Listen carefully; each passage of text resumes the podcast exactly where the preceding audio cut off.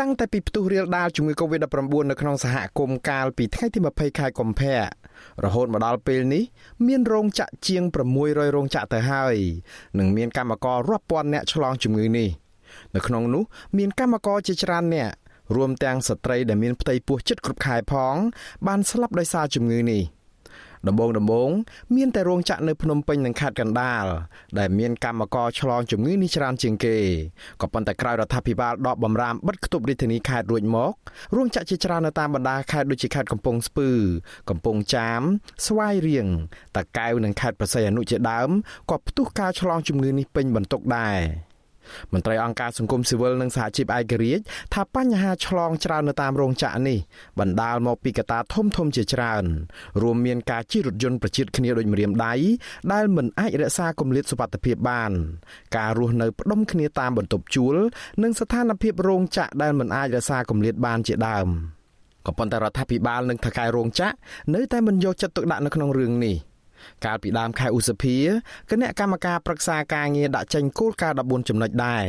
ដើម្បីបង្ការជំងឺ Covid-19 នៅតាមរោងចក្រ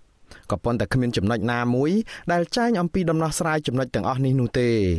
កម្មករនៅតែត្រូវប្រថុយជីវិតទៅធ្វើការ ទាំងប្រលឹងចុងសក់និងបណ្ដោយខ្លួនតាមយថាកម្ម រូបភាពនៃកម្មកររោងចក្រផ្អើលឆាវឡោរត់ប្រសាទចេញពីរោងចក្រស្ទើរតែជន់គ្នាស្លាប់ឲ្យតែឮថាមានកម្មករណាម្នាក់នៅក្នុងរោងចក្រជាមួយគ្នាកើតជំងឺ Covid-19 នៅតែកើតមានជាញឹកញាប់កាលពីថ្ងៃទី26ខែឧសភាកម្មករនៅរោងចក្រ ANJ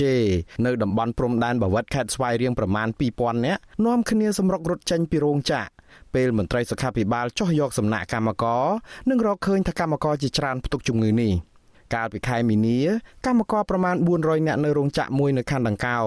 ក៏រត់ជន់គ្នាដែរដោយសារតែភ័យខ្លាចឆ្លងជំងឺនេះ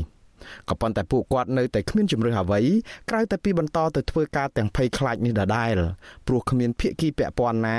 យកចិត្តទុកដាក់នៅក្នុងរឿងនេះឲ្យបានត្រឹមត្រូវនោះឡើយមន្ត្រីអង្គការសង្គមស៊ីវិលផ្នែកសិទ្ធិការងារយល់ថានៅក្នុងស្ថានភាពដ៏គ្រោះថ្នាក់នេះ ជំរឿចុងក្រោយគឺមានតែការតស៊ូមតិជាមួយក្រុមហ៊ុនអ្នកបញ្ជាទិញតែប៉ុណ្ណោះទើបសង្ឃឹមថាអាចមានដំណោះស្រាយខ្លះអ្នកគ្រប់គ្រងកម្មវិធីសិទ្ធិការងារនៃមជ្ឈមណ្ឌលសម្ព័ន្ធភាពការងារនិងសិទ្ធិមនុស្សហៅកាត់ថាអង្គការសង្ត្រាលោកខុនថារ៉ូ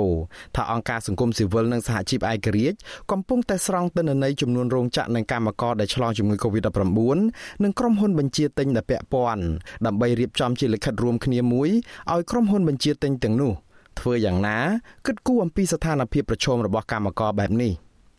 លោកបញ្ជាក់ថាលិខិតនោះបានព្រៀងរួចទៅហើយ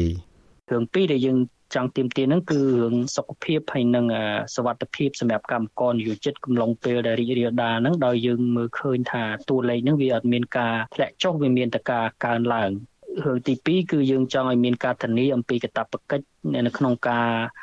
ធានានៅក្រមសិលធម៌សង្គមដើម្បីផ្ដល់ប្រាក់ឈ្នួលកំឡុងពេលដែល កម្មករនឹងត្រូវបានបិទគប់ក្រុមហ៊ុនអ្នកបញ្ជាទិញនឹងត្រូវតែមានវិធានការជាក់លាក់ហើយនឹងឆ្លើយតបទៅរាជរដ្ឋាភិបាលហើយខាងរោងចក្រនឹងដើម្បីឲ្យមានវិធានការជាក់លាក់មន្ត្រីសហជីពឯករាជ្យយល់ស្របថាក្រុមហ៊ុនអ្នកបញ្ជាទិញមានកាតព្វកិច្ចនៅក្នុងការធានាអំពីលក្ខខណ្ឌប្រសើរនៅក្នុងកន្លែងការងារនិងជាពិសេសនៅក្នុងពេលនេះគឺសវត្ថិភាពរបស់កម្មករក៏ប៉ុន្តែពួកគាត់ថាកន្លងមកក្រុមហ៊ុនអ្នកបញ្ជាទិញហាក់ដូចជានៅពង្រើយកន្តើយនៅក្នុងរឿងនេះ។ លោកអាត់ធុនប្រធានសហភាពការងារកម្ពុជា លើកយកពាក្យស្លោករបស់ខាងអង្គការអភិរក្សសត្វព្រៃជាការចងកាតព្វកិច្ចក្រុមហ៊ុនអ្នកបញ្ជាទិញដើម្បីចូលរួមទទួលខុសត្រូវនៅក្នុងរឿងនេះពាក្យស្លោកនោះថាបើនៅតែមានអ្នកទិញឬហូបសត្វព្រៃការបបបាញ់និងសម្លាប់សត្វព្រៃក៏នៅតែបន្តកើតមានដូចអ្នកបញ្ជាទិញបើសិនជាគាត់នៅតែបញ្ជាទិញមានន័យថាគាត់នឹងអាចថាជាអ្នកដែលជំរុញឲ្យមានការឆ្លងការស្ដាប់ជាប្រយោលនឹងដូចដូចគ្នាដែរ ឯវាសេដ្ឋកិច្ចវាធំជាងបើសិនជាគាត់មិនបញ្ជាទិញអាពួកនឹងដួលអត់មានអីគឺអូវាបញ្ហាដែរអញ្ចឹងហើយបាននៅកន្លែងហ្នឹងគឺឃើញថាវាមានស្មុកស្មាញណា ក៏ប៉ុន្តែតាមគោលការណ៍របស់អ្នកបញ្ជាទិញដូចជាមិនមានភាពស្មុគស្មាញដល់ម្លឹងពេកនោះទេសេចក្តីណែនាំអំពីការបង្ការជំងឺ Covid-19 របស់សមាគមអ្នកបញ្ជាទិញសម្លៀកបំពាក់និងស្បែកជើងរបស់សហរដ្ឋអាមេរិកសម្រាប់រោងចក្រយកទៅអនុវត្តចែងច្បាស់អំពីកាតព្វកិច្ចរបស់ថៅកែរោងចក្រដែលត្រូវធ្វើយ៉ាងណាធានាឲ្យមានការរក្សាគម្លាតសុវត្ថិភាពរបស់កម្មករនិងការការពារអាយុជីវិតកម្មករពីការឆ្លងនៃជំងឺ Covid-19 នេះ អនុប្រធានជាន់ខ្ពស់ផ្នែកគោលនយោបាយរបស់សមាគមសម្លៀកបំពាក់និងស្បែកជើងអាមេរិកលោក Nate Herman ប្រាប់អាស៊ីសេរីកាលពីថ្ងៃទី27ខែឧសភាថាថៅកែរោងចក្រទាំងអស់ត្រូវអនុវត្តឲ្យបានខ្ជាប់ខ្ជួនទៅតាមគោលការណ៍ណែនាំទាំងនេះលោកថាសមាគមអ្នកបញ្ជាទិញទាំងនេះនឹងបន្តជំរុញឲ្យថៅកែរោងចក្រអនុវត្តវិធានការទាំងនេះឲ្យមានប្រសិទ្ធភាព។ មន្ត្រីសហជីពឯករាជ្យមួយរូបទៀតថាក្រុមហ៊ុនអ្នកបញ្ជាទិញគឺជាអ្នកដែលមានទឹកមាត់ប្រៃនៅក្នុងការដាក់សម្ពាធឲ្យរដ្ឋាភិបាលនិងថៅកែរោងចក្រអនុវត្តវិធានការសុវត្ថិភាពកម្មករនេះក្នុងករណីខកខានមិនបានធ្វើតាមក្រុមហ៊ុនបញ្ជាទិញត្រូវតែមានវិធានការជាក់ស្ដែងដើម្បីបង្ខំការអនុវត្តនេះប្រធានសម្ព័ន្ធសហជីពកម្ពុជាអ្នកស្រីយ៉ាងសុភ័ណ្ឌថានេះគឺជាពេលវេលាសមស្របបំផុតមួយសម្រាប់សមាគមអ្នកបញ្ជាទិញនៅក្នុងការបង្ហាញឆន្ទៈពិតប្រាកដ ក្នុងការឈឺឆ្អាលអំពីសុខុមាលភាពរបស់កម្មករដែលកំពុងតែប្រឈមនឹងគ្រោះថ្នាក់ធំអ្នកដែលបានទទួលផលប្រយោជន៍ចំណេញច្រើនបំផុតហ្នឹងគឺអ្នកបញ្ជាទិញនឹងឯងអញ្ចឹងណាហើយអ្នកបន្ទាប់ទៀតហ្នឹងគឺថាកាយក្រុមហ៊ុនដែលគាត់អ្នកធ្វើការងារមកកម្មករផ្ទាល់នៅស្រុកខ្មែរទេអញ្ចឹងណា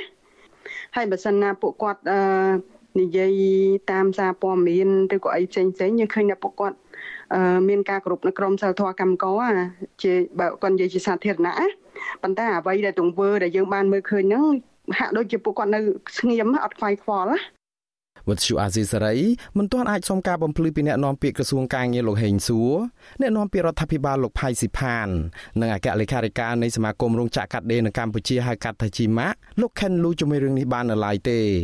កន្លងមកសមាគមអ្នកបញ្ជាទិញទាំងនៅអាមេរិក អង់គ្លេសនិងសហភាពអឺរ៉ុបផងសុទ្ធតែធ្លាប់បានចេញសេចក្តីថ្លែងការណ៍និងសរសេរលិខិតទៅរដ្ឋាភិបាលលោកហ៊ុនសែន